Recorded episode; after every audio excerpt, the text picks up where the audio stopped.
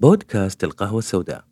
ما هو غريب إنه تتشابه أخلاق وسلوكيات أفراد بعض العوائل ويمكن يكون للوراثة دور كبير في هذا الشيء. وعشان كذا نشوف بعض العوائل تشتهر بالجود والكرم وعكسها يميل للعنف والهمجية وفقدان الصبر وسرعة الغضب. وكمان في بعض العوائل يجتمع فيها وبين أفرادها خصلة سوء الخلق ورداءة الطبع وتلاقي الناس تتجنب الاختلاط فيهم وحتى أن يكونون جيران لهم. مثل هالبنتين ينتمون لهذه الطينة والعينة لأنهم شقيقات يجمعهم رابط الدم وتتشابه أخلاقهم الرديئة فصاروا قاتلات محترفات ولقوا لذة في سفك الدم واستلال الأرواح البشرية عشان غاياتهم المريضة والدنيئة. من قناة القهوة السوداء أتمنى لكم قضاء وقت ممتع وقهوة أجمل فأهلا وسهلا بالجميع. لا تنسوا الاشتراك. في القناة والإعجاب وتفعيل الجرس. يمكن تكون قصة ريا وسكينة هي من أشهر قصص القتل المتسلسلين في مصر ويمكن العالم العربي وكمان يعود جزء كبير من هذه الشهرة للإعلام المصري اللي تناول القصة من منتصف القرن اللي فات. في أفلام ومسرحيات نالت نجاح واسع وكبير. يعود جزء من شهرة القصة للماضي اللي ما راح يرجع في مطلع القرن العشرين. كان زمان وقت له نكهة خاصة. ما هو بس في مصر بل في جميع أرجاء المعمورة وفي ذاك العهد حصلت انعطافة كبيرة في تاريخ البشرية لأن بدأت الاختراعات والاكتشافات تظهر بشكل سريع في كل المجالات. فظهرت الطائرات والسيارات وشبكات الكهرباء والسينما وأشياء ثانية. عشان كذا صارت هذيك الحقبة تمثل مزيج سحر غريب لأنه تداخل فيها القديم مع الجديد. لكم أن تتخيلوا أن العربة اللي يجرها الحصان تسير في الشارع جنبا إلى جنب مع السيارة والقطار وكانت الأزياء والألوان تختلط في الأسواق والمقاهي بين القديم اللي هو جلابيات وعبايات الناس البسطاء والحديثة اللي هي البذلات والفساتين اللي تبرق والأنيقة لطبقة الأفندية والهوانم. وعلى كل حال إن الناس وقتها أغلبهم كانوا فقراء لكن الحياة بشكل عام كانت سهلة وبسيطة. عشان كذا كبار السن في وقتنا الحالي يقولون وهم يتذكرون هذه الأيام الله يرحم زمان وأيام زمان. يقول الكاتب قبل ما ندخل في تفاصيل القصة للأمانة والتاريخ أنه جرائم الأختين ريا وسكينة ما كانت غريبة ولا جديدة على العالم العربي واللي يبحث في كتب التراث راح يلاقي جرائم مماثلة ويمكن تكون أسوأ وأبشع. ذكروها المؤرخون القدماء في كتبهم صارت أحداثها في القرون الماضية في بغداد والقاهرة وغيرها من الحواضر العربية والإسلامية. ويمكن سقطت من الذاكرة وطواها النسيان. ويمكن من أشهر العصابات في هذا المجال الخناقين. تكلم عنهم الجاحظ وابن الجوزي وبدر الدين العيني. واختصار هذه العصابة لا يسكنون في البلاد إلا معا. ولا يسافرون إلا معا فلربما أستولوا على الدرب بأسره ولا ينزلون إلا في طريق نافذ ويكون خلف دورهم أو بيوتهم إما صحاري أو بساتين وأشباه من هذا الشيء تسهيلا لهروبهم إذا حوصروا. عصابات الخناقين أبلغ مثال لجرائم قتلة العهد القديم لأن هذول السفاحين تفننوا في استدراج ضحاياهم مثل ما كانوا ريا وسكينة يخدعون الضحايا ويجرونهم بالكلام الجميل والمعسول. وكانت وظيفة نساء الخناقين تنحصر غالبا باستدراج الضحية للكمين اللي متفقين عليه.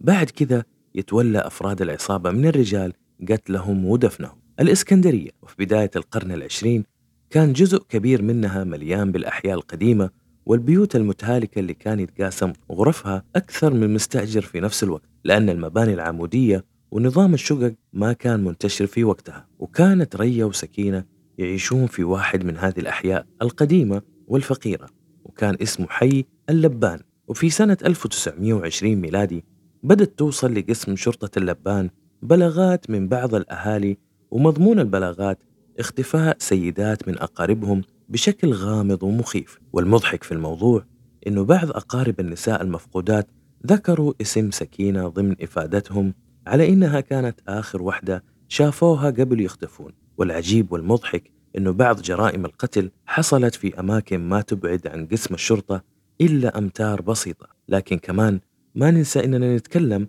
عن أحداث حصلت قبل قرن كامل من الزمن وكانت وسائل التقنيات في التحقيق للشرطة جدا بدائية. وفي زمان كانت الشرطة تبذل كل جهدها لبسط نفوذها وسيطرتها على الأحياء والحارات اللي كان يحكمها الفتوات والبلطجية أهملت الكثير من الأدلة اللي كان يمكن تدين السفاحتين اللي كملوا بدم بارد قتل ضحايا من غير خوف أو تردد. ولما زاد عدد الضحايا زاد في المقابل وانتشر الرعب والخوف والهلع في المدينة مثل النار في الهشيم. وصارت النساء ما تغادر بيوتها إلا عند الضرورة عشان خايفين من عصابات الخطف. بس في النهاية كانت الصدفة هي وحدها اللي أوقعت السفاحتين في يد العدالة سكينة كانت تستأجر غرفة بالباطن يعني مستأجرة من واحد من الناس هو نفسه مستأجر من صاحب العقار الأصلي. وكانت العلاقة بين المستأجر والمؤجر متوترة ووصلت مشاكلهم للشرطة والمحاكم. أمرت المحكمة بإخلاء البيت لصالح مالك العقار الأصلي. هنا اضطرت سكينة إنها كمان تخلي غرفتها وحاولت بكل الطرق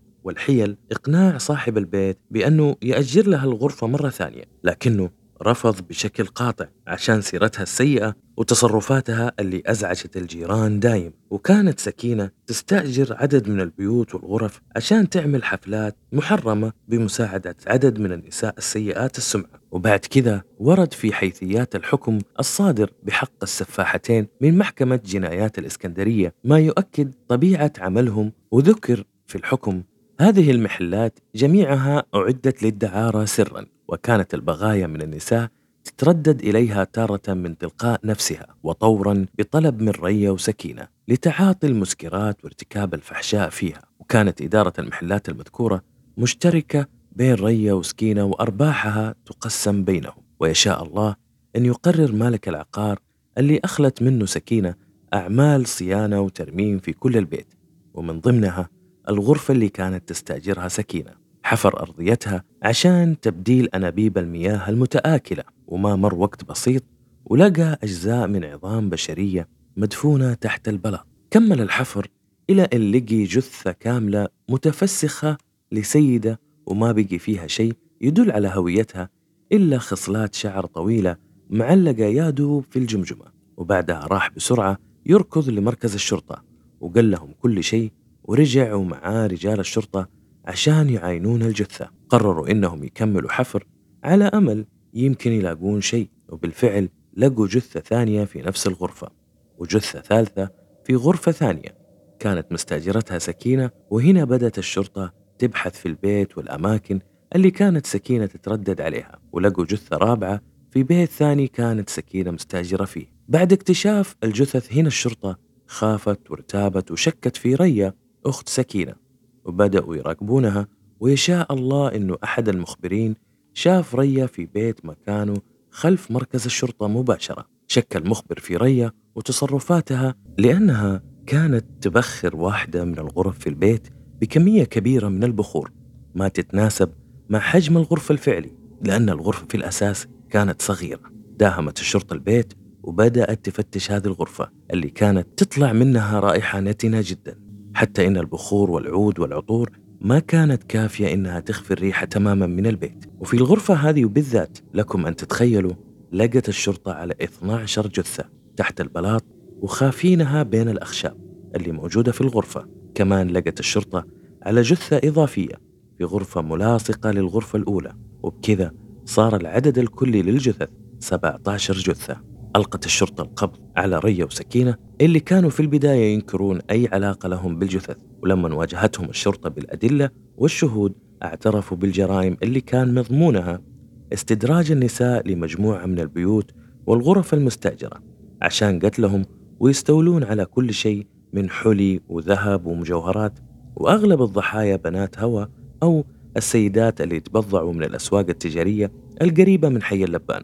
وبالنسبة لطريقة القتل قالوا السفاحتين في البداية يغرون ويخدعون الضحية بالكلام المعسول حتى تثق فيهم ويشربونها شراب فيه خمر قوي وتدخل في حالة السكر والثمالة وتفقد القدرة على التركيز والقوة على المقاومة. وفي ذا الوقت يكون واحد من أفراد العصابة من الرجال يتسلل بهدوء وخفة من وراء الضحية ويقوم بحركة سريعة ومباغتة بلف مناديل من القماش على رقبتها بإحكام. ويبدأ في خنقها بكل قوة في نفس اللحظة المرعبة هذه. كل باقي أفراد العصابة يرتمون على الضحية وكأنها فريسة وبعضهم يكمكم فمها عشان ما تصرخ والثاني يمسك يدها ورجولها ويثبتونها حتى ينقطع النفس. وما إن تموت الضحية يجردونها من ذهبها وملابسها ويدفنونها في نفس المكان اللي انقتلت فيه. وكانت ريا وسكينة يبيعون الذهب المسروق إلى صايغ ذهب في السوق. ويقسمون القيمة مع باقي أفراد العصابة. المجرمين الرئيسيين في جرائم القتل كانوا ريا وزوجها حسب الله وسكينة وزوجها محمد عبد العال واثنين أسماءهم عرابي وعبد الرزاق. وقضت محكمة جنايات الإسكندرية بإعدامهم جميعا وتم تنفيذ الحكم فيهم بتاريخ 21 و 22 ديسمبر من سنة 1921 ميلادي. وشمل الحكم سجن الصائغ اللي كان يشتري الذهب المسروق من ريا وسكينة لمدة خمس سنوات. في نفس الوقت برأت المحكمة ثلاثة أشخاص كانوا على علاقة بالمجرمين وتم إخلاء سبيلهم. مع إعدام الأختين السفاحتين انتهت صفحة جرائمهم البشعة للأبد. لكن الرعب والإثارة اللي سببتها هذه الجرائم استمرت حتى هذا اليوم.